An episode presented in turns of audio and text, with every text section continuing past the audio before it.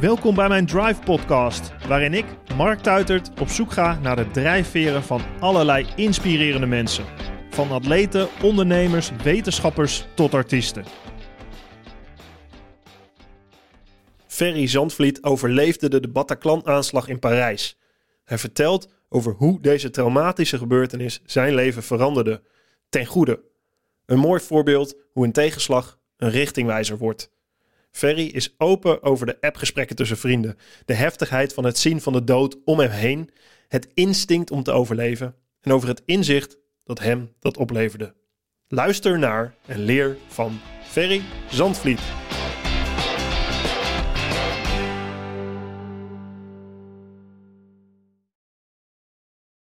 Voor je aan de podcast begint, wil ik je kort wat vertellen over mijn nieuwe boek. Drive, train je stoïcijnse mindset. Tijdens mijn carrière, maar nu ook als ondernemer en vader, heb ik veel gehad aan de principes van de stoïcijnse filosofie. De stoïcijnse mindset heeft voor mij het verschil gemaakt om succesvol te zijn. Overigens zijn het veel principes die ik herken bij de sporters, coaches en high performers die ik voor mijn podcast spreek. In Drive leg ik uit hoe ook jij een stoïcijnse mindset kan trainen. Het zijn 10 praktische levenslessen en trainingen die je helpen om met de juiste mentale balans het beste uit jezelf te halen, zodat je zowel scherp als relaxed door het leven kan gaan. Met de stoïcijnse mindset kun je richting geven aan je leven, actie ondernemen en accepteren waar je geen invloed op hebt. Deze mindset werd al millennia geleden toegepast in alle lagen van de bevolking. En nog steeds is deze mindset essentieel om mentaal sterker te worden. Bestel jouw exemplaar van Drive Train je Stoïcijnse Mindset op marktuitert.nl slash drive of via jouw lokale boekhandel.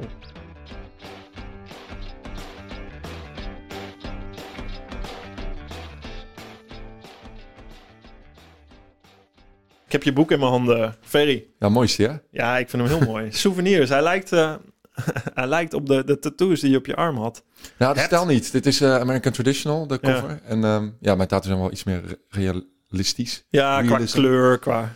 Ik heb, ik heb geen gevoel voor... Ik weet niet welke stijl het precies is, maar ik zie daar wel tools staan op jouw achtergrond. Ik zie ja. Master of Puppets. Ik zie Queens of the Stone Age. Wij, wij gaan elkaar vinden in muziek. ja, dat, dat wist ik al, ja. Ja, heel cool. Hey, maar hoe lang, hoe lang heb je hierover gedaan, dit boek? Nou, de, ja, de, 4,5 jaar. Niet uh, 4,5 jaar natuurlijk fulltime aan gewerkt. Maar ik ben een journal bij gaan houden. Best wel kort na de aanslag al. Dat was een tip van uh, Umberto Tan. Ja, de aanslag op Bataclan. Ja. Daar gaan we het over hebben. We zaten vlak daarna bij Umberto Tan. En die ja. zei toen, ga dingen opschrijven. Want de, deze dag al, de, toen wij dus bij hem te gast waren. Hij zegt, dit, dit, over vijf jaar weet je hier niks meer van. En welk jaar, jaartal was dat? Dat was 2015. En uh, dus toen ben ik elke dag gaan schrijven voordat ik ging slapen. Mijn gedachten op papier zetten. En na een tijdje dacht ik, dit, ik moet voor mij een boek gaan schrijven. Daar ben ik door voor gaan zitten. Heb ik een heel boek geschreven, al na een jaar. Dat is helemaal kut. en toen weer weggelegd. En toen na een half jaar dat weer een beetje gaan uh, checken van nou, waar zit de rode draad. En toen weer een soort nieuwe versie geschreven. Ik heb denk ik wel drie keer een soort scriptie weet je wel, in de prullenbak gegooid. En weer helemaal opnieuw begonnen. En ik denk eind 2018 had ik echt te pakken, oké, zo moet het worden. Was in New York, was ik daar voor een lezing. Toen ben ik in zo'n bibliotheek gaan zitten, die grote bibliotheek. Ik schrijf heel veel in bibliotheken in het buitenland. Veel te toffe plekken vaak. Helemaal van die oude historische panden zijn. Dat je zo'n zaal zit met duizend man die allemaal doodstil zijn. Ik weet niet of, in die of je in de bibliotheek van New York bent geweest. Nee. Dus ja, ik hou dat heel, insp heel inspirerend, mm -hmm. vind ik dat. En toen had ik een soort van framework geschreven van, nou, voor mij moet dit de verhaallijn worden. En toen heb ik hem afgeschreven. Ah. Dus je hebt er echt eerst heel lang mee geworsteld met het idee hoe het zou moeten. Gewoon gaan schrijven, gewoon begonnen. Ja, ja herken ik hoor. Ik, met mijn boek was het ook eigenlijk net zo gewoon maar heb gaan. En uh, inderdaad, na een half jaar van ja denk je, jezus, het lijkt helemaal nergens op dit. Maar je zegt, als je eerste product, als dat al goed is, dan werd te laat begonnen. Nee, precies. Dus dat... Hey, het, je begint uh, op de achter, achter, achterflap. Uh, daar wil ik graag beginnen. Ferry is een oude zeikert. Hij is boos op zijn omgeving, op de scheiding van zijn ouders, op alles wat niet goed loopt, op de wereld in het algemeen. Je hebt een mooi verhaal, um, daar gaan we het over hebben. Maar laten we eens beginnen bij wie jij was voor die aanslag. Een beetje oude zeikert. Een oude zeikert. Wat is oude zeikert? Nou, um, een goede vriend van me, die, die, die kwam naar een lezer van me kijken in het begin. En die zei, ja, ja jij was wel echt een oude zeikert vroeger. Hij zegt, ja, ja, ja, de, iemand die uh, veel klaagde, uh, heel erg in de slachtofferrol zat. Altijd met een vingertje aan het wijzen naar andere mensen. en eh, nooit in de spiegel keek. En dat zeggen vrienden. Nou ja, nou, dat- te- te- toen ik echt wel die transformatie Hmm. een beetje had doorgemaakt naar een betere versie van mezelf, vind ik zelf wel. Toen waren er een aantal die het ook wel eerlijk durfden te zeggen van eh, ja, je was ook echt gewoon niet. En wat deed je dan? Nou, vooral op feestjes, als ik biertjes op had, dan ehm, kon ik wel echt heel, de, gewoon de, hele, de hele stemming van het feest negatief beïnvloeden door over dingen uit het verleden te beginnen. Mijn ouders hebben echt een nare vechtscheiding gehad uit vroeger. En dan kaapte ik echt de hele avond. Dat mensen toch wel naar me luisterden en het ook zielig vonden. En zelfs na tien jaar was ik dan nog steeds aan het uitmelken. Want hoe, eh, hoe oud was je toen je ouders scheiden? Eh 16. Ja. Natuurlijk echt zo'n vervelende leeftijd. Dat is geen leuke... eh nou ja, hij Ken kent het. dat ook voor Ja. mij. Ja, ehm, geen leuke scheiding. En ehm, net als eh, jij gaf ik mijn vader heel erg eh, de schuld Ja. van wat er was gebeurd. En, ja, ehm, hoe ook- uitte zich dat dan? Ik heb heel, heel lang geen contact met hem gehad. Ja, boosheid. Gewoon, ik, ik was boos op hem tot hij dat had, ons had a- Ehm was een klein beetje geweld bij komen kijken, ook zonder daar iets te diep op in te gaan. Maar Ja. mijn, mijn moeder wilde bij hem weg en hij flipte toen helemaal. Heeft hij hele nare dingen gedaan die ook echt niet door de beugel konden. Dus ik had ook echt een soort zondebok. Terwijl ik er nu eh, meer dan twintig jaar later ook achter ben. Van, dat ik van mijn moeder heb gehoord dat er heel veel speelde al waar wij, waar ze ons, waar we- mijn zus en ik, ik ben een tweeling, helemaal geen weet van hadden. Ja. Terwijl als ik dat nu hoor, ook wel een beetje begrip op kan brengen. Van, ik denk, ja, ik snap wel dat je... Voor mij leek het donderslag bij heldere hemel, maar er was al veel... Mijn moeder heeft heel lang met het idee erover gezat van... ik wacht tot die kinderen 18 zijn en dan ga ik weg bij je vader. Mm. Maar het ging gewoon niet meer. Jij En- bent herkenbaar, dit. En toen, ja, eigenlijk was mijn moeder degene die de knoop had doorgehakt. Mm. Maar toch was ik boos op mijn vader. Ja. Die, die het zelf zei tot hij niet had aanzien komen wat onzin was. Dus jarenlang...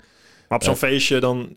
Ja, je, je, je bent een goede verhalenverteller. Dan, je wist, ik kan een feestje kapen met een... eh, Met, met eigenlijk gewoon zielig doen. een en, zielig en, en, verhaal. zie- en op een negatieve manier aandacht Mhm. vragen. En mensen luisteren dan wel naar je, maar eigenlijk weet je van... die denken, oh god, dan komt hij weer met dat kutverhaal. That legendary divorce is such a bore, zou Kurt Cobain zeggen in eh, Serve the Servants. Ja, mooie, mooie, mooie tekst is dat. Heb ik ook veel aan gehad. Tenminste, om die... eh, Ja, ik, ik, ik had op die leeftijd al iets meer... eh, een, een betere muzieksmaak moeten hebben. Ik stond er te hakken in de toen, ja? eh, net hadden al voordat we Ja, ik woonde 200 meter van T11. Eh, dat waren de Thunderdome-feesten, Ik toch? stond daar te hakken. En ook, ja, de- en ook mezelf dus heel erg aan het verdoven die tijd. Met, eh, ja, dat, was echt een gabbertijd toen. Hè. Die was, Ja. Het was toen echt commercieel gezien echt op zijn hoogtepunt. 1996. Veel drugs. Vol op aan de ecstasy en de speed en de coke ook later. Terwijl ik eigenlijk tot mijn zestiende echt een eh, a- afkeer er tegen had. Tegen, ook tegen roken. En, eh, ik dronk wel, maar niet heel veel. Drugs moest ik niks van hebben. Totdat ik één keertje dacht, laat ik een keertje een half pilletje proberen. Maar dat was echt het begin van, eh, het, van jarenlang speedmarathons in het weekend. Van donderdag tot zondag. En waar vluchtte je voor? Ja, ik was op dat moment niet echt van bewust dat ik aan het vluchten was. Maar het Ja. was wel voor het feit dat onze hele familie uit elkaar lag. Ja. En ehm, ik wilde ook echt heel graag op mezelf wonen, op mijn zestiende. Want mijn ouders gingen allebei terug naar Den Haag. Dus dat kan ik er niet kwalijk nemen. Dus ze hebben toen een huisje voor mij geregeld in Maasluis. Waar ik was opgegroeid, ja. Maasluis, gekke huis. Ja, en ik kom mijn halve familie vandaan. Ja, je zei net, ja. Ja. Bijzonder ook wel. Ja. Veel raakvlakken op dat, eh, wat, dat, Ehm, wat dat betreft. Maar ik was gewoon veel te jong om alleen te wonen. En ehm, heel blij dat mijn ouders dat huisje voor me hadden geregeld. Maar ik had eigenlijk gewoon nog een familie moeten hebben toen de tijd. Ja. En eh, ik, eh, ik was echt de, de man in het dorp, want ik was 16, ik had mijn eigen huis. Dus iedereen kwam bij mij chillen. En ja, het was één groot drugshuis geworden. Niet heel gezond. Nee, en hoe, hoe en wat, wat, hoe ontvouwde zich dat? Die, die, die, die, drugs, die, ging, je, ging je nog naar school of had je ergens een idee van eh, ik ga dit doen in de toekomst? Of was het allemaal... Ik had wel in mijn hoofd altijd van... ehm, en ook iets te... ehm, want ik ben er uiteindelijk achter dat dat je ook helemaal niet gelukkig maakt. Van ik moet een opleiding afmaken. Nee. Ik deed toen een eh, mbo ehm, eh, horeca-studie. Die heb ik Hm. wel eh, afgemaakt. Ik werkte in een hotel in Vlaardingen. Misschien dat ook wel Delta Ja. Hotel. Heb ik jarenlang met zoveel drugskaters op zondagochtend koffie met appelgebak staan maken. Voor al die bejaarden die daar bootjes kwamen kijken. Als ik daar nog aan denk, hoe ik dat op... Dat zou ik echt niet meer kunnen ook nu. Ehm, maar dat, ja, op een gegeven moment is dat wel ge- geklapt ook. Van toen dacht ik, dit kan niet meer. Toen ben ik ook, ik denk dat ik 22 was. Hm. Ben ik echt van de een op de andere dag gewoon compleet gestopt met eh, eh, drugs gebruiken. Zoals En- je, zo snel als je dan begon, zo snel ben je, zo Ja. radicaal ben je ook gestopt. Ja, en het, om me heen gingen mensen ook, eh, die groep met wie ik omging, viel een beetje uit elkaar. En je krijgt andere Hm. vrienden. vrienden. mensen krijgen vriendinnetjes, gaan samenwonen. En dan wordt het drugsgebruik toch wel minder. Ik ben een HBO-studie gaan doen. En ehm, de, de drugstijd was toen al eh, voorbij, maar niet dat slachtofferrolstukje. Nee, je zat er dat, boosheid en dat, dat, Die had ik nog steeds. dat zit er nog steeds in.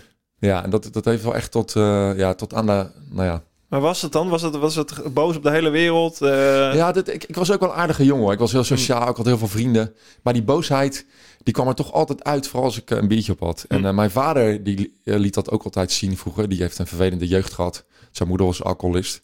En wat ik me van mijn vader nog heel erg kan herinneren, als we op een verjaardag waren geweest en mijn moeder reed dan terug naar huis, dan zat hij altijd lekker sikkig in de auto naast haar.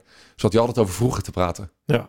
Ook een beetje het gedrag dat ik, je wil het niet, maar je wordt uiteindelijk gewoon een kopie van je vader. En op een gegeven moment kom je wel op zo'n moment dat je denkt, shit, ik ben gewoon in mijn vader veranderd, joh. ja, Op dat vlak dan. ja. Op heel veel vlakken ook gelukkig eh, niet, want mijn vader was heel rechts en alles wat maar anders was, dat, eh, dat, ging, eh, dat kwam bij hem niet over de vloer, zei hij altijd. Terwijl hij uiteindelijk met een Zuid-Afrikaanse vrouw is getrouwd en zijn beste vriend een homo was. Ja, Allemaal dingen die hij vervloekte vroeger. Dus ja. mensen zijn er ook niet heel erg... consequent. Consequent Wat mensen in, eh, zeggen en wat ze daadwerkelijk doen, dat kan, totaal verschillend zijn. uiteindelijk menen mensen het vaak ook helemaal niet. Precies, het Dat is gewoon het- ook een mechanisme of een... Hij heeft het ook geleerd vroeger, Ja. uiteindelijk. En ehm, Ze hebben dat overgenomen. ik had wel Wat? overgenomen, een groot stuk daarvan wel. Nou, niet, ik was totaal niet Ja. rechts en iedereen is mijn vriend. En eh, eh, mijn dochtertje is ehm, half Surinaams. En eh, dus dat soort dingen heb ik gelukkig helemaal niet meegenomen. Maar dat slachtofferstukje wel tot een veel te late leeftijd. Hm. En eh, ik denk dat je een bruggetje wil maken naar... nou, eh, je had, je, had, je had vrienden, zei, eh, zei hè. Vrienden... je ging wel met vrienden op stap. En je had wel gewoon een gro- vriendengroep. En je ging samen concerten bezoeken. ja, nou, ik- heb toch... Of hadden die vrienden stiekem ook een hekel aan je ergens? Nee, nee, nee. Maar, maar, Toch? maar wel, nee, kijk, ik heb ook nog heus wel mensen omheen waarvan ik soms Ja. vind dat ze iets te veel aan de slachtofferrol zitten. En daar, zijn, daar hou ik nog steeds van, weet je wel. Dus Ja. niet dat je een slecht persoon bent. Nee. Maar je hebt, ik heb wel van die mensen waar ik soms geen zin in heb. En in, zo iemand was ik, denk ik. Waar mensen Ja. soms wel dachten van, nou, Nou, niet. ja, nou hoeft hij, ja, zei ik het even niet bij hoor. Ander keertje. Dus eh, dat meer, denk ik. En je muzieksmaak was veranderd. Die is veranderd op, en ik weet wanneer dat was. Dat was op Pinkpop. Ja? Pinkpop Weet je nog 2000. welke? 2000. 2001 of 2000, zoiets.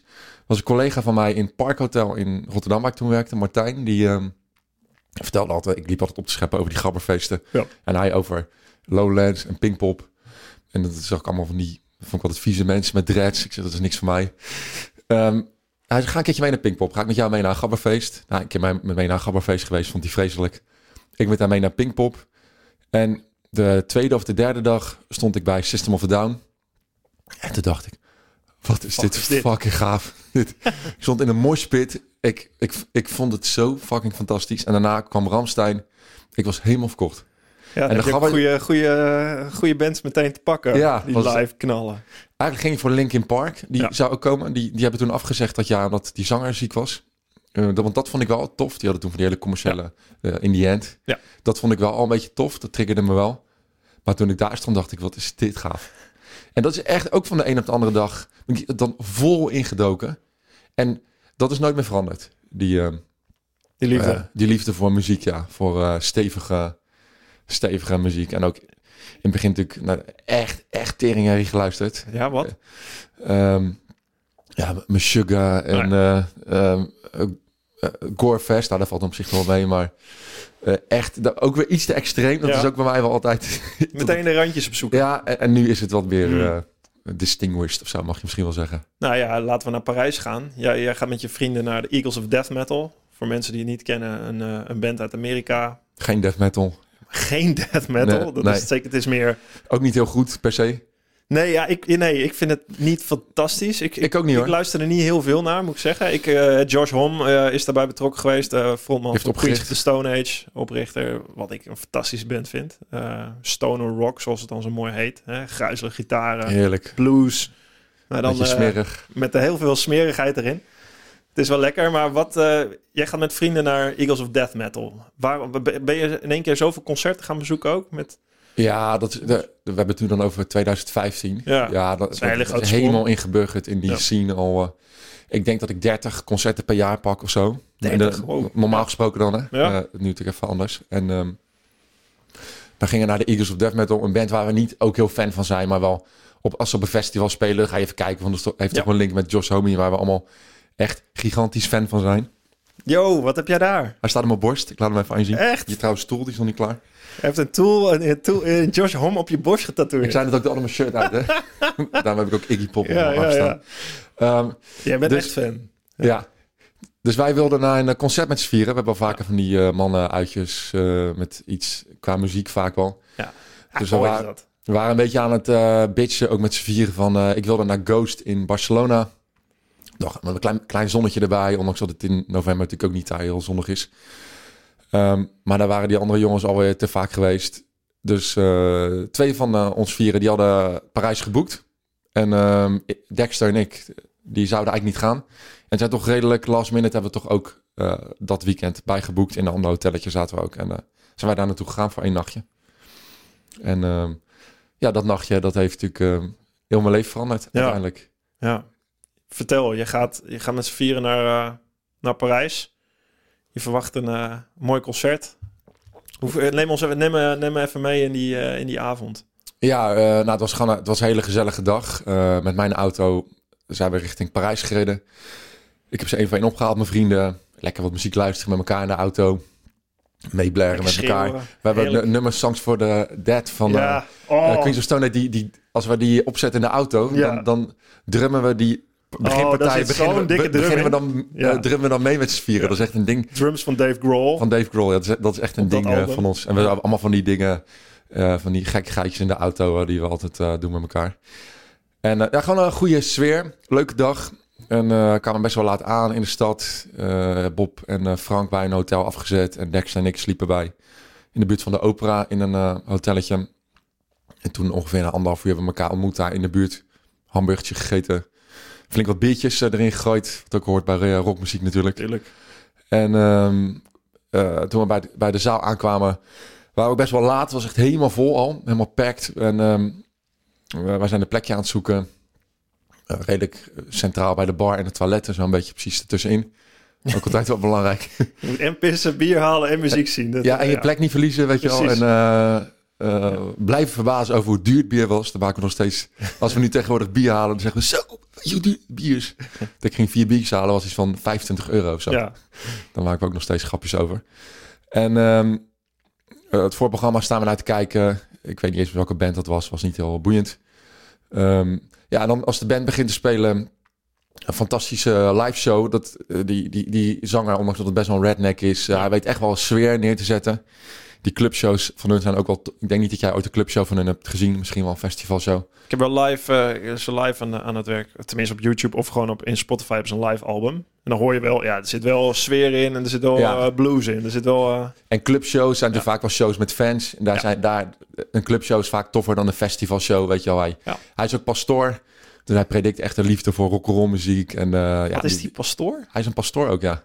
ja. Dat zou je niet zeggen bij de bepaalde denkbeelden die hij heeft. Nee. Maar Ja, Amerika is sowieso heel schizofreen. in pro die eh, NRA is die een, Ja. eh, nou, een andere discussie. Ja, Maar goed, na een half uurtje of zo gaan ze um, Kiss the Devil spelen, een nummer. Dat is wel hun ehm, misschien wel heftigste nummer. En allemaal complottheorieën. Nog over naar buiten gekomen later dat de terroristen dat nummer uit zouden k- gekozen hebben. Omdat er iets over de duivel wordt gezongen. Voor mij hebben zij in elke song wel iets met de duivel trouwens. Dus Hmm. ik denk dat dat eh, toeval is. Maar goed, dan ineens een paar harde knallen. Wat op zich op vuurwerk lijkt in mijn eh, optiek. eh, die ik achter me hoor. En de, de band stopt. Want waar sta aan. jij? Je sta- Je staat met je hoofd richting het podium te kijken. Een beetje links in het midden van de zaal. En mijn vrienden die zijn in een soort morspitje gedoken. Ja. En voor degenen die dat niet kennen. Zo'n krielende mensenmassa bij heftige gitaarpartijen. Ja, waar je af en toe een keer een elleboog in je gezicht krijgt. Vind ik ook soms wel Hoort leuk. erbij. Vooral in Ziggo Dome om in te staan. Dat ze dan gigantisch groot zijn. Ja, ja. In één keer, boom, alles naar binnen. Dat, heeft ook iets zo samenhorig of zo. Dat je daar zo rondjes in rent. En ik, weet- Ja, dat, ja, heeft iets heel energieks. dat, Iets, dat, eh, dat jij daar wel eens in of niet? Ja, nou, ik, ik was bij... eh, welk concert was dat? Oh, Slipknot. Nou ja, dat, als je het oh ja, van over- Slip hoorde, hoorde ik Ja. met Tim Hofman hoorde ik Tim Hofman. eh, kletsen. Ja, ik stond daar met Tim. Tim Hofman, Oh ja, ook podcastgast, twee, drie podcasts geleden. Stonden we aan de rand van de, van de morspit van de Slipknot. En ik heb dan ook, ja, ik heb niet heel veel vrienden die per se staan te springen om mee te gaan naar Slipknot. Ja, ik vind dat fantastisch. Ja, heerlijk. En dan, ik kreeg daarna berichtjes. Yo, ik stond, hey yo, Mark Tuitert, ik stond bij jou in de moshpit. Hè? Stond jij in de moshpit? Ja, ja. Wat de f- dat was heel erg van, eh, dat verwachten ze dan niet. Maar ik, Ik- vind ik- het mooi. Ik, ik- doe dan wel gewoon van stevige schoenen aan. En dan, ga, dan is het gewoon eh, erin. Beuken. Ja, goede profielen, want eh, Ja. je wordt zo weggeduwd. Ja. Ja. ik doe gelijk shirt uit, de moerspit in en rennen. Ja, Ja, echt. maar die heeft iets, ja, iets dierlijks of iets, iets gewoon, gewoon ja, energieks. En iedereen helpt elkaar omhoog als je valt. Het is niet... Het is een beetje agressief, maar het is ook vriendelijk of zo. Want als je valt, dan is iedereen gelijk... Precies, het is agressief, maar het is, heeft helemaal, het is niet de negatieve lading van agressie per se. Het is echt eh, energie met z'n allen eruit Het- gooien. de- Iedereen die luistert moet dan maar eens googlen. Ja. De, de, de Wall of Dead. Ja. Dat was van Gojira staat er eentje op, op YouTube. Dus echt ziek Ja. als je die ziet. Dat, dan, dan splitten ze de zaal in tweeën. Ja. Dan moet iedereen naar de zijkant lopen. Ja. En dan de band, die roept dan op een gegeven moment... Go! Nou, maar En dan, nou, dat, Ja. nou, je moet maar kijken. Ik kan Ja. niet uitleggen. Dat, Kijk maar op YouTube. Ja. Het is, eh, je moet er liefhebber van zijn, maar eh, Ja. wij wel. Wij vinden het tof. Nou, dit is een bescheiden moshpitje, want Ja. het is een kleine, het is een beetje paradiso-achtige zaal qua grootte, dus het is echt heel klein. En mijn vrienden zijn in die moshpit aan de gang. Ik blijf aan de linkerkant van de zaal staan. En dan begint dat schieten dus. En ehm, het zaallicht gaat aan, de band rent van het podium af. Het is gewoon raar. Je, dat, die knallen die ik hoorde, inter- interpreteerde ik niet als geweerschoten. En eh, Wat dacht je? Het licht aan, bent weg, hè? ja, precies. Ja, v- eh, waarom, waarom gooit iemand hier vuurwerk? Dat dacht ik. Of eh, waarom kla- klapt de box ineens? Dat dacht ik. Ik dacht eigenlijk dat de muziek, dat er een box geklapt was en dat daarom de band stopte. Maar ineens lig ik ook om mijn rug en ik kijk richting de ingang van de zaal. Dat Hoezo? Één, je zegt het heel snel. Ja, maar, ik, wil, ik ga het uitleggen ook. Maar, Ja. maar het gebeurt dus ook zo snel. En dat schijnt een... ehm, iedereen ging dus op zijn rug liggen. Die op de dansvloer stond dan ehm, althans. En het, ja, dat schijnt gewoon een heel dierlijke, ehm, instinctieve reactie te zijn. Omdat eh, wij stonden met ons gezicht naar het podium toe. Als je dan gaat liggen, dan zie je natuurlijk niet wat er gebeurt. En blijkbaar zijn we allemaal omgedraaid en op ons rug gaan liggen. En daardoor konden we allemaal precies zien wat er aan de hand was. Ehm, en dat was dus drie terroristen die vanaf een soort ophogentje stonden te schieten op ons. Ehm, je brein heeft dat blijkbaar al door voordat jij het door hebt. Het is ehm, eh, je, je reptiele brein noemen ze het, neemt het over. Die, eh, ja, die zorgt gewoon dat jij het juiste doet om eh, wat nodig is om te overleven. Ja. En dat is dus op je rug liggen en je stilhouden en je heel klein maken. Fight or flight. Het is echt Dit is gewoon freeze. freezen. Dit was de freeze eh, reactie. En ehm, iedereen deed hetzelfde. Gewoon honderden mensen. Bizar. Dat, dat, dat, ik bedoel, als je, je hebt ook wel eens van die bands die dan, ik heb dat bij eh Limp Bizkit was gehad. Slechte down. band geworden trouwens. Allemaal Ja. op je hurken zitten en dan opspringen. Dat dacht ik nog, dat dat, heb ik dat gemist of zo, weet je. Dat, is dit een nieuw foefje? Ehm, dus er gaat van alles door je heen. En op een gegeven moment zie ik drie mannen staan die daar staan te schieten. En het dringt niet echt tot je door ook dat dat aan de hand is. Maar wat wel tot me doordrong was van, ehm, ik ga gaan dood hier. Dat voelde ik ook echt. We hebben blijkbaar dat in ons systeem zitten ook. Zo'n zo'n signaal dat je brein het je vertelt. Want ik wist het gewoon zeker. Ik voelde aan heel mijn lijf van, dit zijn mijn laatste momenten hier. Het is zo over. Ik, was Geef helemaal niet, geef je daar ook aan over? ik gaf me er helemaal over. Je bent dan helemaal ontspannen. S- nou de, de- wel een soort hyperfocus, heel Ja. erg alert, maar niet bang of zo. Wel, er zit wel, ja, het is een beetje moeilijk. eh, ik heb het wel opgeschreven natuurlijk. Het is niet een soort doodsangst dat je niks meer kan doen, Ja. maar je voelt gewoon, het is oké. En je, je leven flitst aan je voorbij. Dat cliché, dat hoor je natuurlijk altijd van als je denkt dat je doodgaat. Het is soms wel alsof je er heel lang over nagedacht, alsof je brein het je wil laten zien nog één keer. Ja. Je speelt gewoon nog even je leven als een soort film af. Van, nou, kijk nog maar even, dit was het. En dan eh, Geniet Stopt er nog het? even van. niemand die aan het schreeuwen is of zo. Gewoon totale stilte. En eigenlijk wachten van wat gebeurt ja, bizar er. toch? Want je zou verwachten als je het echt dat mensen in paniek raken of dat je gaat schreeuwen of dat, er- dat iets in films gebeurt dat altijd. Ja, wat eh, eh, bij ons niet, op de, althans op de dansvloer. Wel, da- je had ook twee etages waar mensen dus eh, zittend dit zagen gebeuren. In een Paradiso heb je ook Ja. twee etages. En dat, zo was het een beetje. En die mensen zijn wel van alles gaan doen, heb ik begrepen. Die zijn heel veel zijn uit het raam gesprongen en eh, in kleedkamers gaan schuilen. Want die konden in ieder geval Weg. Nog iets doen. Ja. En die mensen dachten ook in eerste instantie van... hé, hey, wat grappig, iedereen gaat eh, liggen. Die zagen ons als soort domino-steentjes allemaal omvallen. En wat ik van... eh, ja, is echt lugubere verhalen hoor. Maar op een gegeven moment zagen ze gewoon ja, dingen spatten uit borstkassen en zo van mensen. Ja, dan raak je in paniek. Maar je, kan, je kunt nog iets doen. Ja, Dus zij dan- konden dat van boven zien en jij... En dan kom je wel in actie. En wij, ja, ons brein, die had blijkbaar al door van als je gaat staan, dan word je geraakt. Precies, eerste. Dus precies. Je, was zo dicht. Hoe dichtbij zat je? Ja, het is een meter of tien, denk ik. Ja. Dus als je staat dan, en iedereen ligt, dan... dan word je geraakt gewoon. En da- daar denk je niet over na. Maar jouw brein, die, die regelt dat gewoon voor jou, dat je dat niet doet. Want uiteindelijk ben ik kruipend die concertzaal, eh, heb ik de, uit, de nooduitgang weten te bereiken. Dus je en bent naar je buik gegaan. Om mijn buik gedraaid, omdat ja, ik deed dat omdat iedereen dat op een gegeven moment deed. En dan krijg ja, je, je volgt gewoon de massa. Je, je bent gewoon een kudde dier. Je bent niet aan het nadenken. Je bent niet aan het kijken van moet ik mijn vrienden helpen. Je bent alleen maar met jezelf bezig en aan het doen wat iedereen doet. En op Eigenlijk hand, probeer je zo min mogelijk op te vallen ook. Of is Ja, dat ja, ik denk- ja, ik denk dat dat het onbewust? Ja. en op handen en knieën de uitgang eh, bereikt. Wat natuurlijk ook een beetje raar is. Dat je zo een, een concert eh, Zaal verlaat. Ja. Ja. Dat, maar goed, het, het, het is wel mooi vind ik dat je dat systeem dus in je lijf gewoon hebt. Die, dat, Maar registreer je wat die mannen met die geweren doen? Is dat, is, ja, ik, zie je ze, ben je daarmee bezig? Of, Nee, ik, ik, ik heb het wel. Ik, ik kon het wel. Ik kan het wel goed reproduceren. Zeg Hm. maar. De, van één heb ik echt zijn gezicht goed gezien, want die stond best wel dichtbij. Ze stonden in een soort. Ja, met z'n drieën achter elkaar. En van eentje kon ik het gezicht ook heel goed zien. Die kon ik later op een foto ook aanwijzen. Van, oh ja, die heb ik gezien. Ik wist ook dat het er drie waren. Dat ik echt. ehm, althans, die ik kon zien. Ik wist niet of er nog meer waren, maar ik Ja. had er drie gezien. En het waren er ook drie uiteindelijk. Ik kan verder niet van slachtoffers heel veel gezichten ehm, herinneren, gek genoeg. Ik weet altijd dat er een meisje naast me lag die eh, doodgeschoten werd. En ook een, tot een jongen die rechts naast me lag, die werd ook doodgeschoten. Ik weet altijd dat een man en dat een vrouw was. hoe weet je dat? dat het, Ik weet het niet. Dat is, ehm, ik zou ze niet kunnen herkennen als je een foto laat zien. Ehm, eh, heel gek is dat. Mijn psycholoog had was verteld dat dat dingen zijn die je gewoon Hm. die niet belangrijk zijn of zo. Weet, ja, ik weet Ja. de psychologie daar ja. ken ik daar ook niet echt achter. Het is een heel oud systeem dat je overneemt en die wel ervoor zorgt dat je dus het juiste doet Ja. om te overleven. En dat is naar de uitgang kruipen. Je klein houden eh, en naar de uitgang kruipen. Een insect doet het ook, hè? In, zie je gevaar, is, gaat op zijn rug liggen en die steekt dan zijn benen omhoog. Wij deden dat dan net nog niet, maar wel gewoon. Wij deden gewoon net alsof we er niet waren eigenlijk. Ja. En nadat ik ben ontsnapt, zijn er, ja, dat is ook echt verschrikkelijke dingen gebeurd. Zijn de, hebben de terroristen nog de deuren weer, de nooduitgangen dicht gedaan. En hebben mensen daar nog urenlang gelegen. Gewoon in stilte, net gedaan of ze er niet waren eigenlijk. En zij zijn daar door die zaal nog gaan lopen en hebben mensen die nog, nog leefden ook nog één voor één afgeschoten. Dus nou ja, gelukkig ben ik daar wel aan ontsnapt. Dus zo kan je soms een beetje, ja, je moet iets ook niet helemaal kapot relativeren, maar nog een beetje Geluk. denken van, god, dat er veel erger af kunnen lopen. Ja, Ja. ook wel geluk. Gelukkig. Bij een ongeluk, een heel groot ongeluk. Ja.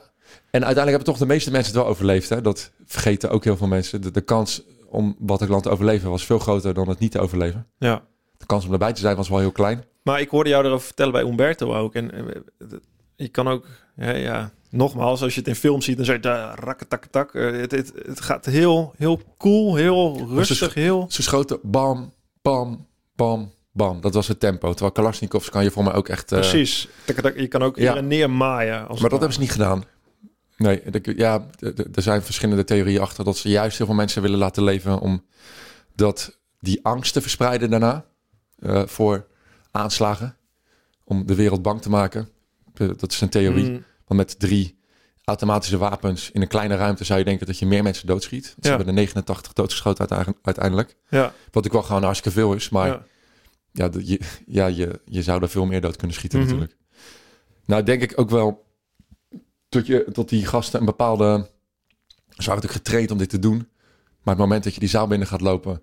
dat doet ook wel iets met je. Niet om daar eh, sympathie voor op te brengen hoor. Maar dat je weet, oké, ik ga me dadelijk opblazen. En dat is het einde van mijn leven. Ik, ik denk dat je misschien iets, iets minder goed kan mikken ook dan dat je... ja. Dus dat heeft denk ik ook wel meegespeeld.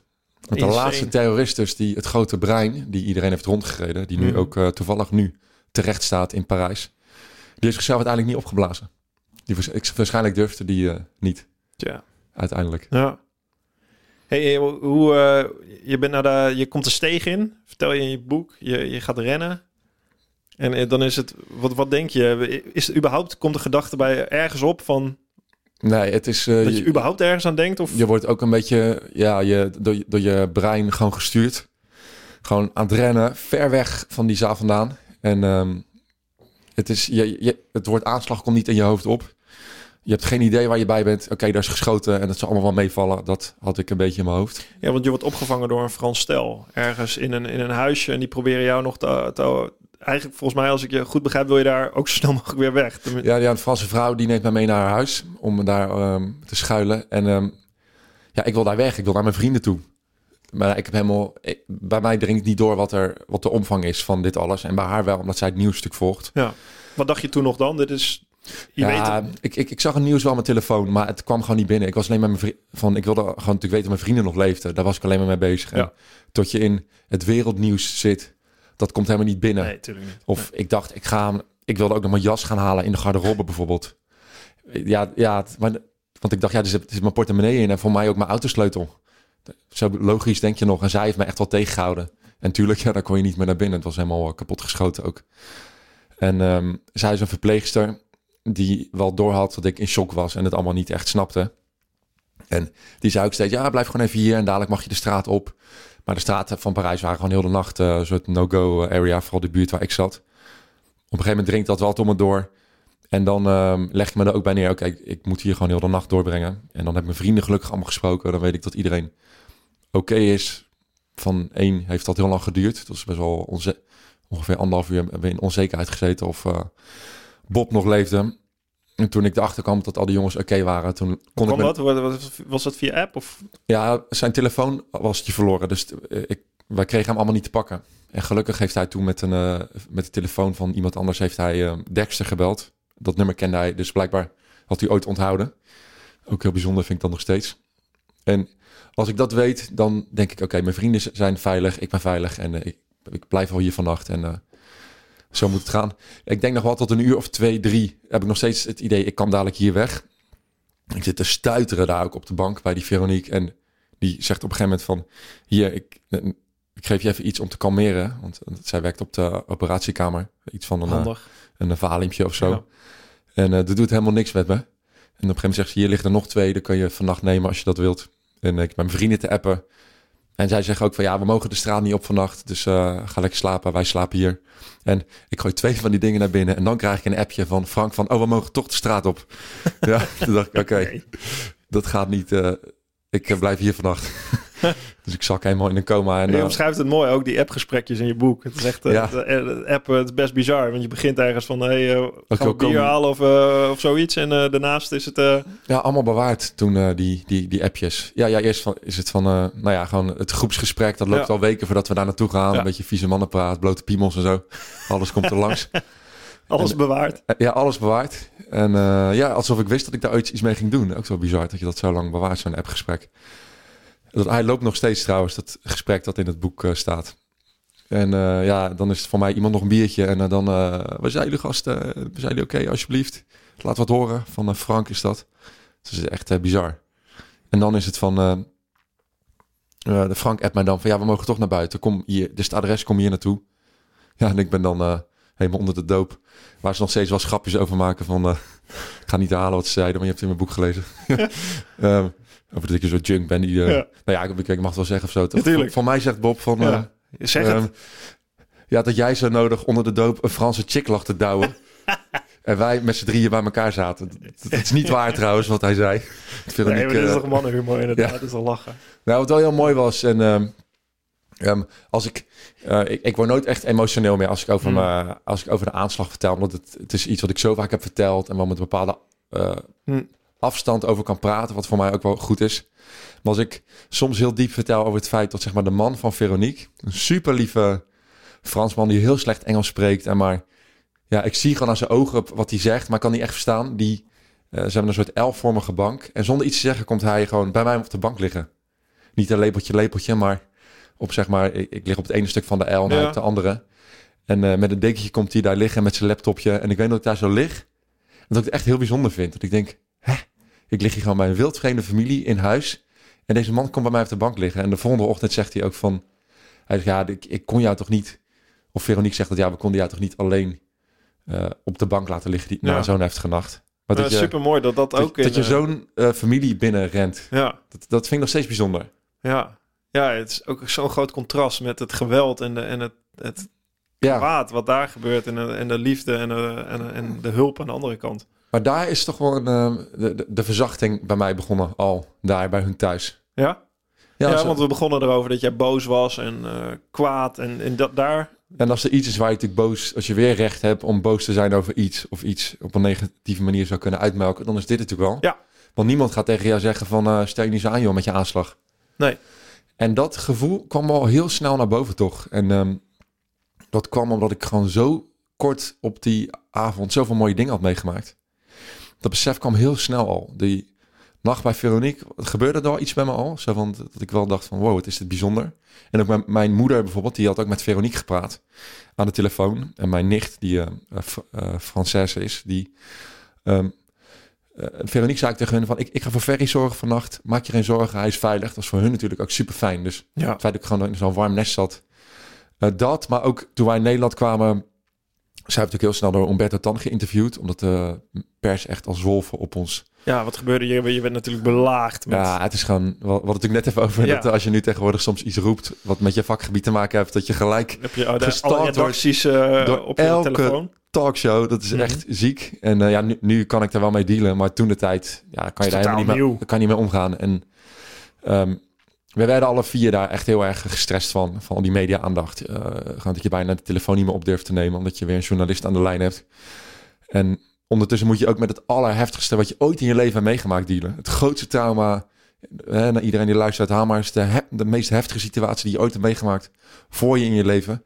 En dan ook nog eens iedereen die je, je telefoon die al de dag gaat, allemaal mensen die je aanspreken, die iets van je willen. Dat voelt echt niet fijn. Ja.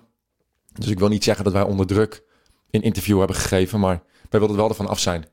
Maar dacht je, ik geef één interview en dan klaar. Ja, dat hadden we ook gezegd. iemand uit. Dat dat is al in de aankondiging naar buiten gestuurd. Van ze doen eenmalig een verhaal en eh, dan is het klaar. En, ehm, maar ook om hulp te vragen. Want ehm, er was helemaal geen hulp op gang gekomen. Nee, je zei het. Jullie kwamen terug als vriendengroep. eh, Alleen thuis maar- afgezet en... Alleen maar journalisten die bellen. Ja. Je hebt eerder Patty Bart aan de lijn dan dat je een hulpverlener spreekt. echt waar. Eh, aardige vrouw hoor. Trouwens, ik heb haar een paar keer ontmoet. Ja. Ja, echt een super lief mens. Niks ten aanleiding van En ook, nee, ze heeft ook echt. eh, ik heb een leuk interview met haar gehad ook, maar dat was niet toen al.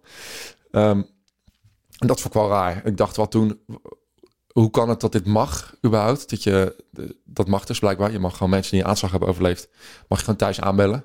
Dus niemand die daar een stokje voor steekt. Terwijl je als je als, als hulpverlener op de bank zit en denkt, oh ik kan die jongens helpen, mag jij ons niet bellen. Dat staat dus wel in de wet. Dat je als hulpverlener dat niet mag doen vanwege belangenverstrengeling. Dat is natuurlijk heel raar Dat is eigenlijk. heel gek, hè? Terwijl, Iedereen ja, mag bellen, maar iemand die echt professioneel hulp kan bieden. nou ja, het, het, het, het is erom bedoeld en ik snap het ook wel. Als jij, eh, volgens mij klopt dat wat ik zeg. Als jij dus als psycholoog, je kan dus alle kranten af gaan struimen. En dan denk je, oh ja, Precies. is een leuk trauma-gevalletje. Die ga ik even benaderen. En zo mijn agenda vullen. Dat, ik snap dat dat, Ja. dat is niet hoe dat moet. Maar een journalist doet dat precies hetzelfde. Die houden, die zijn, sterker nog, die hele redacties die heel de dag alleen maar het nieuws aan het uitpluizen zijn. En kijken wie zijn erbij betrokken, wie kunnen wij gebruiken. Ja. Ben ik Ja. dat? Nee. En het is hun, eh, Nee. het is niet hun, eh, het is niet hun, eh, hun, hun verantwoordelijkheid. In Nee, dus, principe eh, hoe zij het gaan gaat ook- met jou. Zij gaan ook geld aan jou verdienen. Ja. Dus dat, dat vond ik wel heel gek. En daar, daar spreek ik me ook altijd wel graag over uit. Graag. Maar wij zitten ehm, eh, dus bij uh, Umberto Tan. Ja. Zijn wij eh, met z'n vieren te gast. Twee dagen na de aanslag al. En ehm, ja, was gewoon een hele mooie ervaring.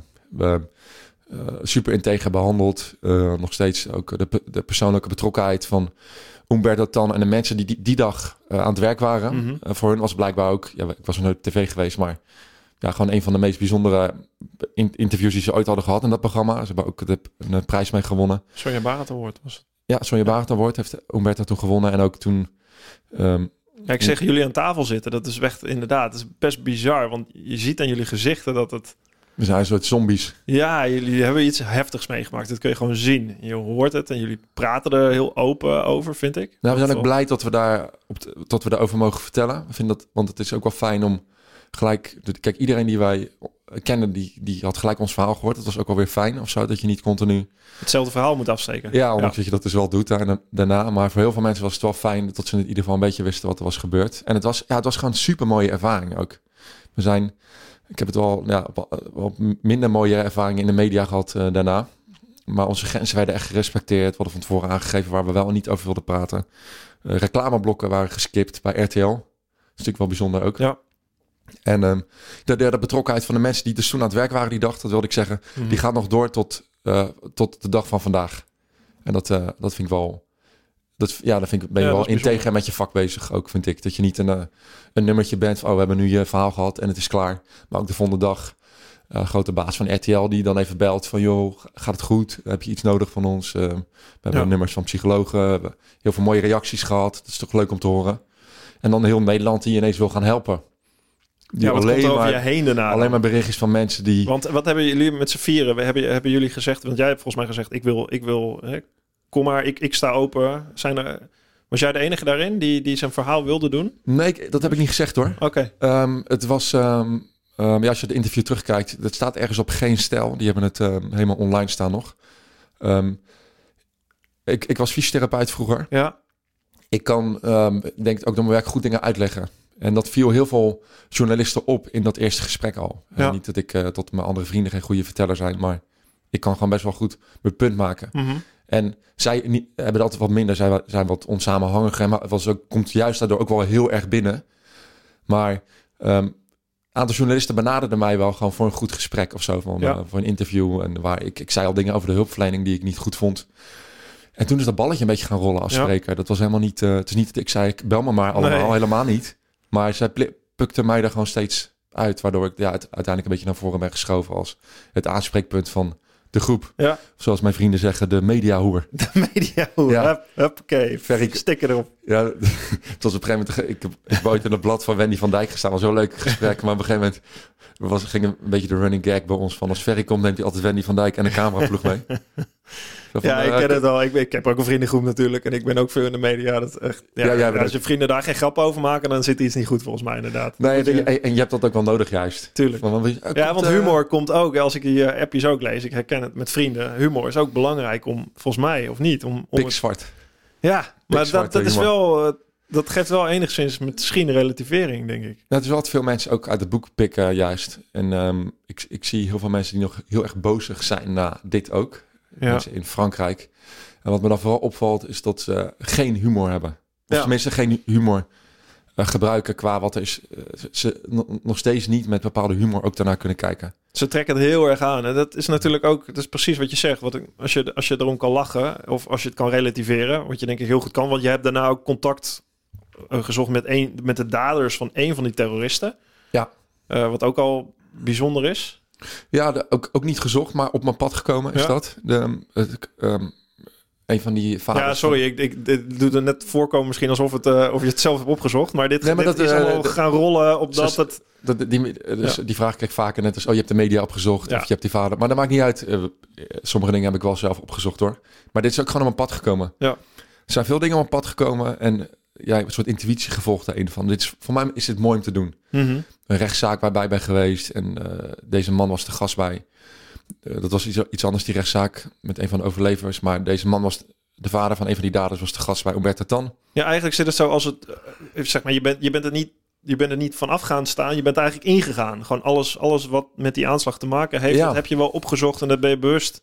Ja, of, of ja tegen gezegd als mensen zeiden van... joh, ehm, ik werd gebeld door de redactie van RTL Late Night... wat nog bestond toen de tijd. En die, zei, die belde alleen maar om even te zeggen dat... de vader van een van de daders in de uitzending zou komen.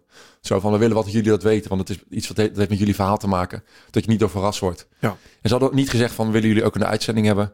want we zaten ook niet in de uitzending... ehm, ja, Bob en ik uiteindelijk even heel kort. En toen heb ik zelf gezegd van... kan ik hem niet ontmoeten? Want ik dacht, het feit dat hij de interviews over geeft, dat vertelt eigenlijk al, dat zegt al heel veel, vind ik. Dat is waarschijnlijk geen eh, man die eh, zijn zoon heeft geholpen om een terrorist te worden. Nee. En eh, daar, stond hij ook voor open. En toen heb ik hem achter de schermen ontmoet met Bob samen. En nog een eh, meisje dat ook bij de aanslagen eh, betrokken was. En ehm, toen hebben we nummers uitgewisseld, want volop hectiek natuurlijk, zo'n talkshow. En toen ben ik een keertje uit eten geweest met hem in Brussel, samen met Bob. En ehm, toen heb ik hem later nog een keertje bij hem thuis opgezocht. En daar heeft Jessica Valerius toen, ehm, dat heeft zij in een documentaire gebruikt. Beste documentairemaker Ja. van Nederland. Ja, dat is ook van die dingen, dat, dat, dat was in het Engels. En dat is gewoon zo waardevol beeld om te hebben. Dat is echt, ja, in Nederland kennen de meeste mensen het wel. Maar ik spreek ook heel veel van het buitenland. Nou, als ik dat filmpje erin gooi, en ik, ik bouw er altijd wel een beetje naartoe qua Mhm. verhaal. van ik heb de vader van een van de terroristen ontmoet. Nou, dan zie je mensen echt zo van, wat? What the fuck? En dan zeg ik, nou, en daar heb ik ook een filmpje van. Ja, dat, dat is echt, dan zie je mensen echt achterover in de stoel.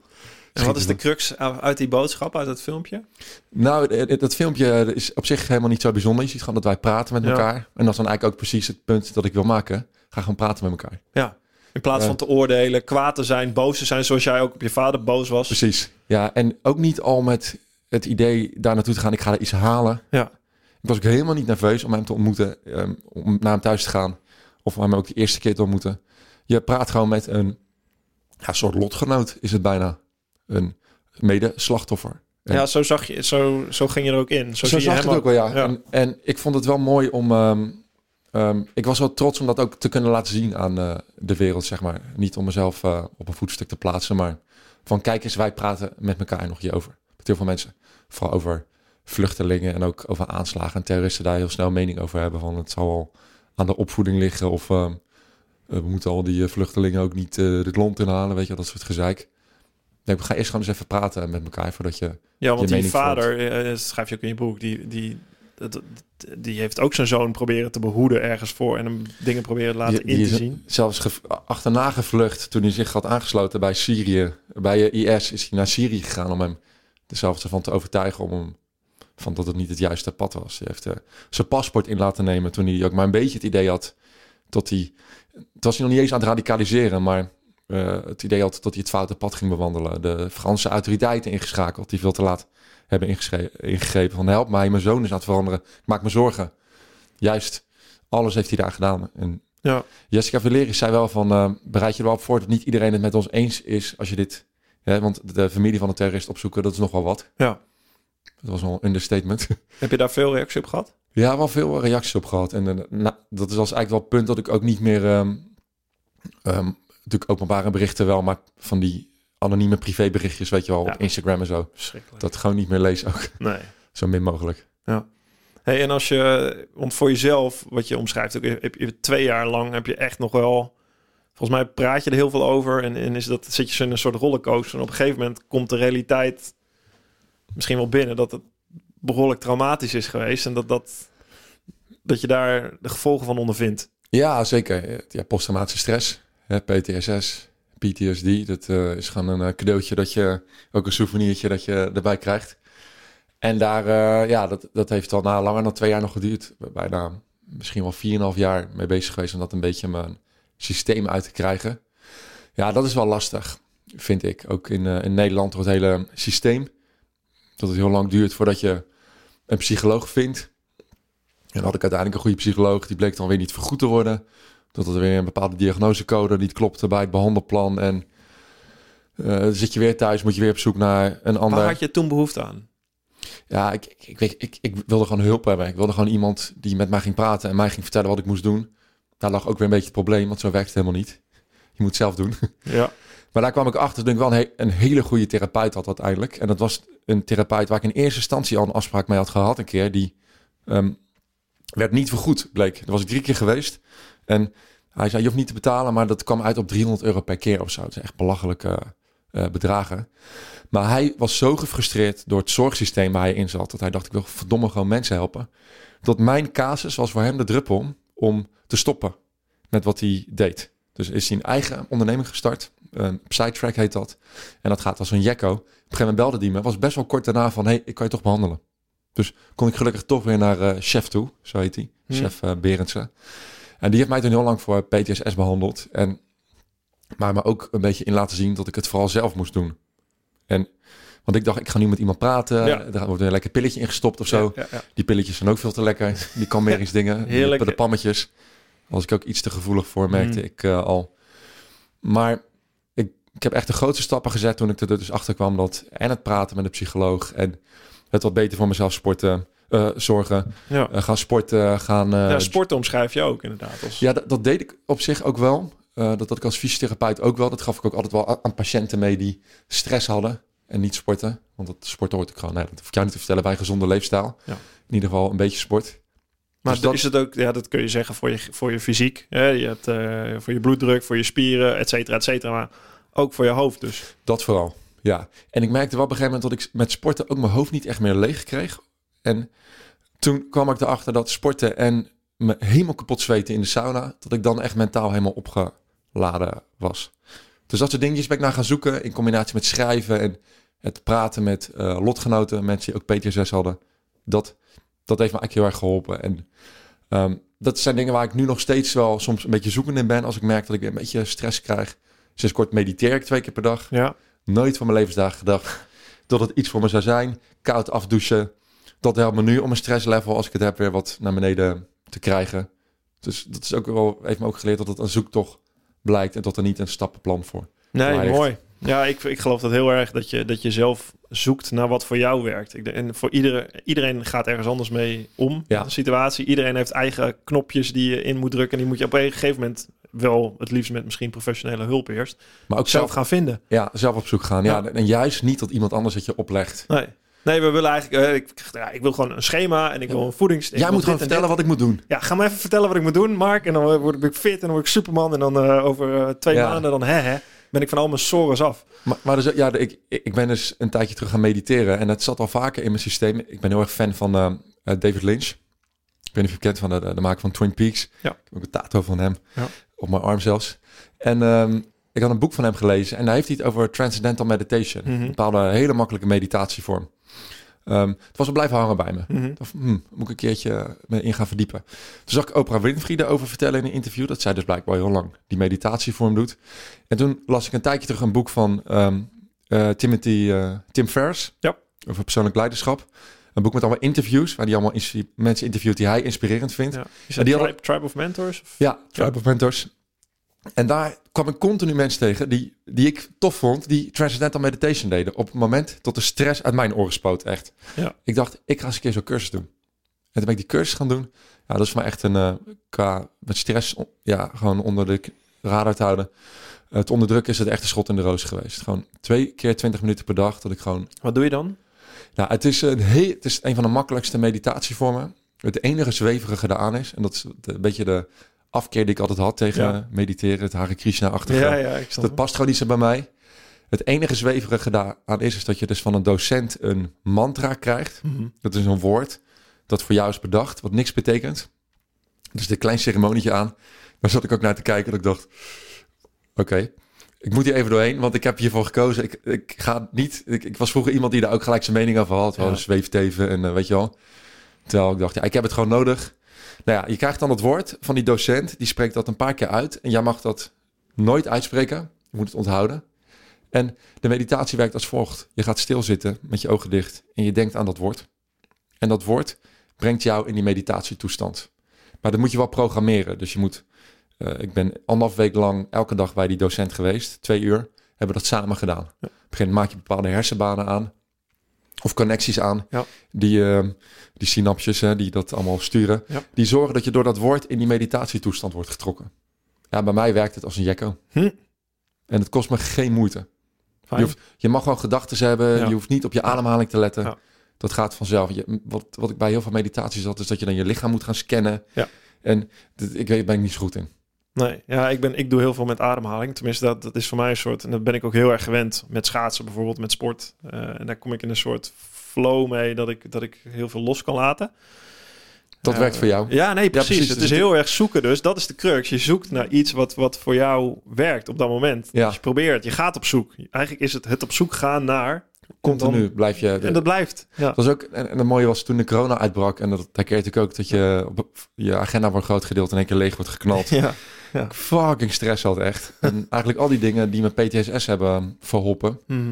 die hebben me ook door het coronajaar heen gesleept. Grappig. Dus het zijn gewoon allemaal dingen die niks met aanslagen te maken hebben, niks met PTSS, maar gewoon met Ja, je ik heb leven- ik heb er een boek over geschreven, Stoïcijnse Mindset. Daar ben ik gaan schrijven toen corona kwam. Toen dacht ik, hey, fuck. De, alle, al die dingen die ik geleerd heb als op topsporten, die ik nog steeds toepas. Ja, dat is voor mij een beetje praktische filosofie, vind ik heel fijn. Een beetje echt down to earth. Je eigen denken proberen vorm te geven. Je leven mee proberen vorm te geven. Ook onzekerheid, angst. Eh, het is niet dat ik op een berg zit en een soort boeddha ben. Ik denk, alles glijdt van me af. Juist niet. Ik Nee. denk, fuck, hoe moet ik hiermee omgaan? Oh ja, wacht eens even. Volgens mij heb ik een aantal dingetjes geleerd. Een aantal tools in mijn, eh, in mijn rugtassie. Eh, die ga ik gebruiken en die ga ik opschrijven, wat ook goed werkt. Gewoon het opschrijven. En Ja, dan, daar leer je zoveel van. ja, dat- dan krijg je het ook, die gedachten helder. Eh, Maar ja, dat, dat, dat, jij dat boek hebt geschreven, dat, daardoor heb je het echt in je brein verankerd. Zeg Ja. maar, die, die manier van. ik was aan het lezen, ik dacht, ook, oké, ik ben ook best wel stoïcijns, joh. Ja, je komt heel. Nou, wat, wat heel stoïcijns is, is wel heel grappig. Wat, waar, waar we mee begonnen eigenlijk. Hè. Ik, ik herken veel wat jij zegt over jouw vader. Heb ik ook heel erg met mijn vader ge- gehad. Dat heb ik ook beschreven in mijn boek. Hè. Dat zou de stoïcijn ook mooi zeggen. Je hebt een gebeurtenis. Nou, nou bij jou over die gebeurtenis, die is heel duidelijk, hè, die aanslag. Je, of eh, je vader, of die echtscheiding tussen, tussen je ouders. Wat het bij mij ook heel erg was.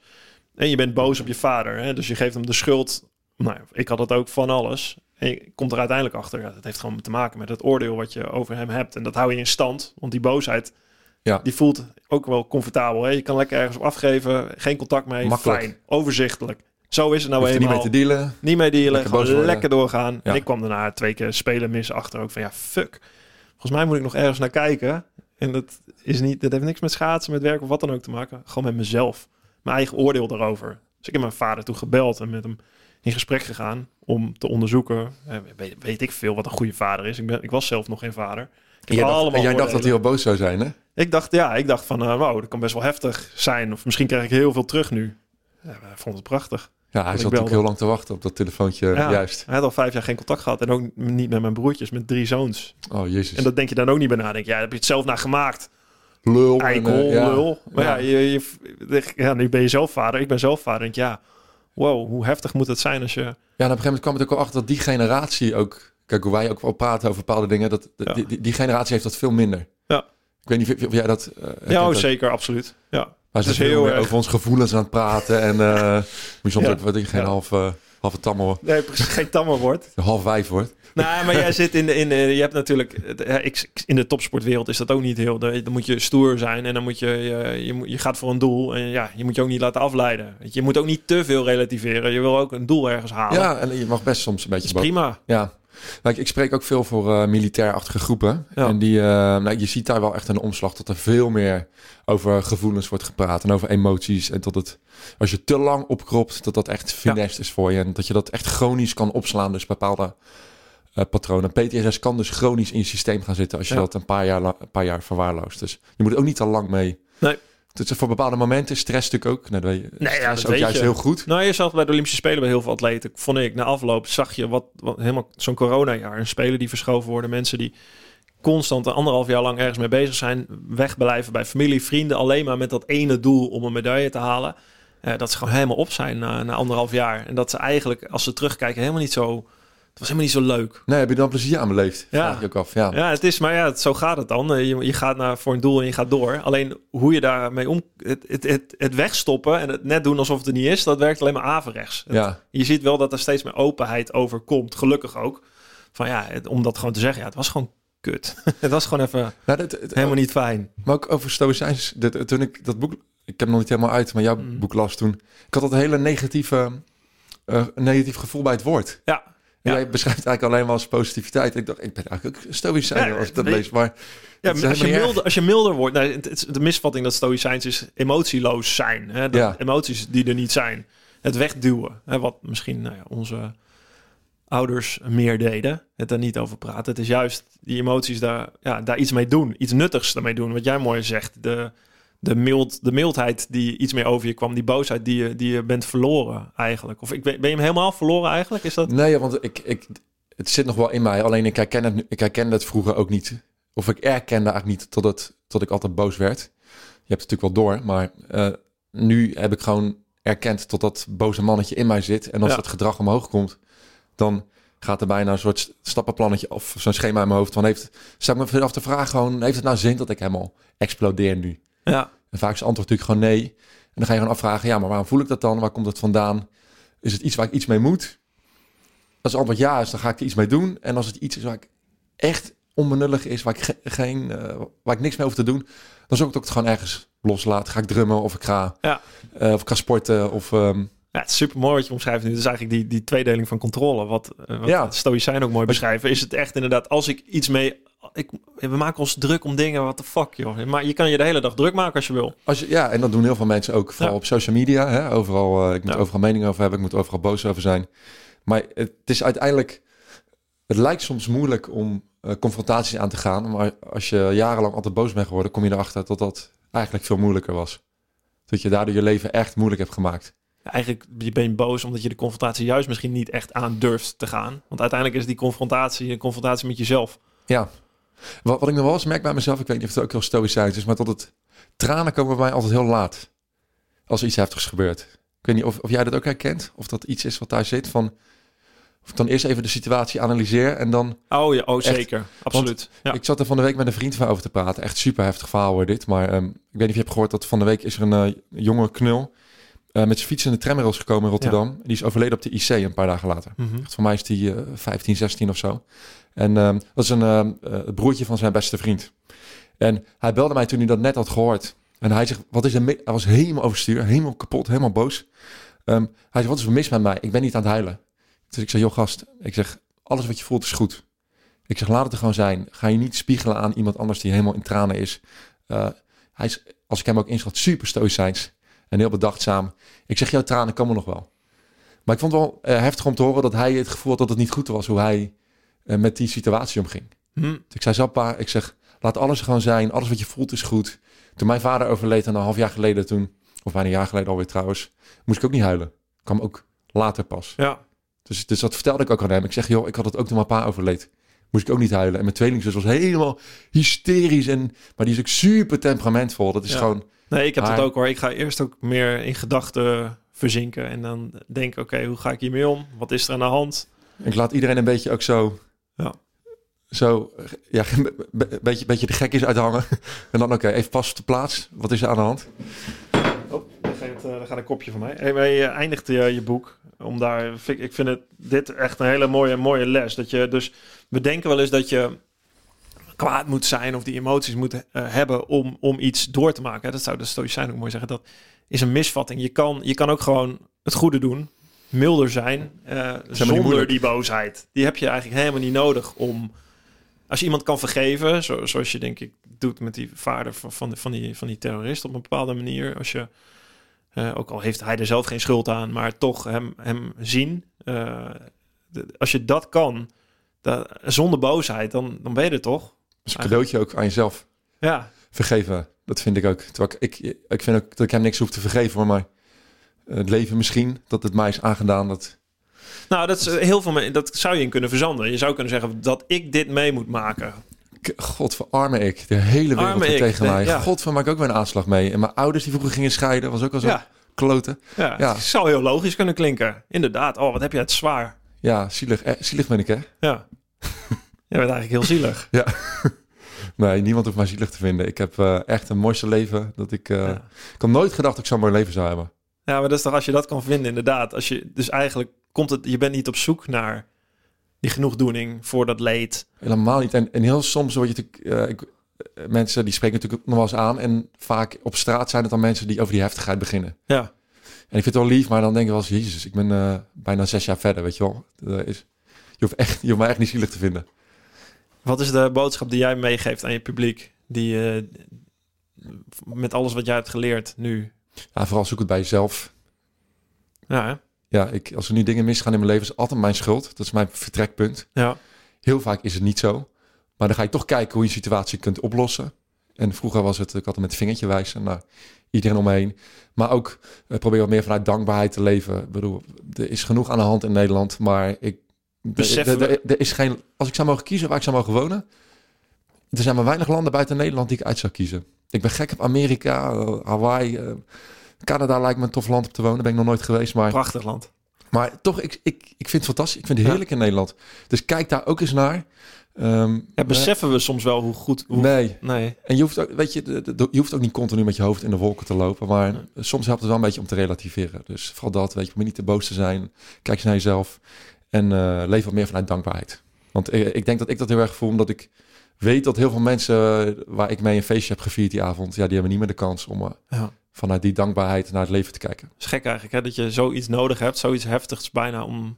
Ik vind het wel jammer dat, dat ik dat, dat ik dat beseffen, nodig had. En tegen het publiek zeg ik ook altijd, je hebt echt geen aanslag nodig om dit te snappen. Nee, Want het is helemaal niet zo moeilijk wat jij net zegt, om gewoon niet vanuit boosheid eh, klopt. te leven. Ja, het is een soort eh, misvatting dat je dat nodig zou hebben. Of dat je, dat je, dat je, dat je, dat jij een soort recht ergens op hebt. Ook al is het eh, Ja. een gevoel of een, eh, gewoon recht hebben op überhaupt. Ik, die doet mij dit aan. Ik heb recht op genoegdoening. Ik heb Ik wat heel, wat heel begrijpelijk misschien ook kan zijn voor de buitenwereld. Helemaal als je iets traumatisch meemaakt. Alleen het helpt je niet. Nee. Het helpt natuurlijk wel om als spreker uitgenodigd te worden. Mensen vinden, oh, daar mag hij iets van vinden. Ja, Terwijl, ja, de boodschap die je probeert mee te geven is dat ja, iedereen, dat, dat proces dat ik heb doorgemaakt, dat iedereen die luistert, die heeft dat in zich om ook die stappen te zetten. Maar je moet het zelf doen. je moet het zelf doen. Ja. Waarvan akte. Mooie boodschap. Eh, wat is het eh, concert waar we... We, we, we, moeten Ja, ja. we gaan ik moet een keer naar een we gaan, concertje. we gaan, eh, gaan sowieso Welke een staat op de agenda? Heb je eentje? moshpitten. Eh, nou, ik maak me een beetje zorgen om of het allemaal weer doorgaat vandaag de dag. Wat Maar staat op de agenda? Heldorado ga ik naartoe in Eindhoven. Dat is minder hef- heftig dan het klinkt. Maar het is een rockfestivalletje. Daar speelt Cadaver. Eh Dom vind ik heel tof. Ja. Van de Raven van Dorst. Ja. is echt een vette eh, band. Ja, leuke band, ja. En Graveyard is toegevoegd aan de line-up. Tool, Graveyard, Helft. Het klinkt heel Het- heftig allemaal. Het, nee, nee, nee. nee eh, Gra- Het- kijk, Graveyard. Ja, nee, ik weet het. Heel Ik maar als 60s, je, eh, als je, ja, maar als je, als je niet kent, als je niet zou kennen, denk je, wat is Nee, dit ik hou van een- rock'n'roll Ja, met een lekker. stevige gitaar. Niet van dat geschreeuw per se. Wel Tool, volgend jaar? Eh, ja, zeker. Ga je Ja. Oh, nee, nee, nee ik, ik heb geen kaarten. Wat? Ja, nee, maar Oké. daar zit ik bovenop. Dat Nou, lukt me regelen. altijd. Als ze laat me weten, dan gaan we echt. Ik, ik, heb, Sta je op de dansvloer? ik sta op de dansvloer. Ja, nee, Ja, dat, ik, mij- ik zag alleen maar zitplaats. Ik dacht, wat Tool ook wel een luistermomentje is natuurlijk. je moet, heb je ze gezien live? Ja, Ja, het fuck, waanzinnig. Echt. Ja. Nou, dat zien we elkaar daar sowieso. We, gaan, eh, we gaan een keer morspitten. hoi. Kijk ernaar uit. Hoi.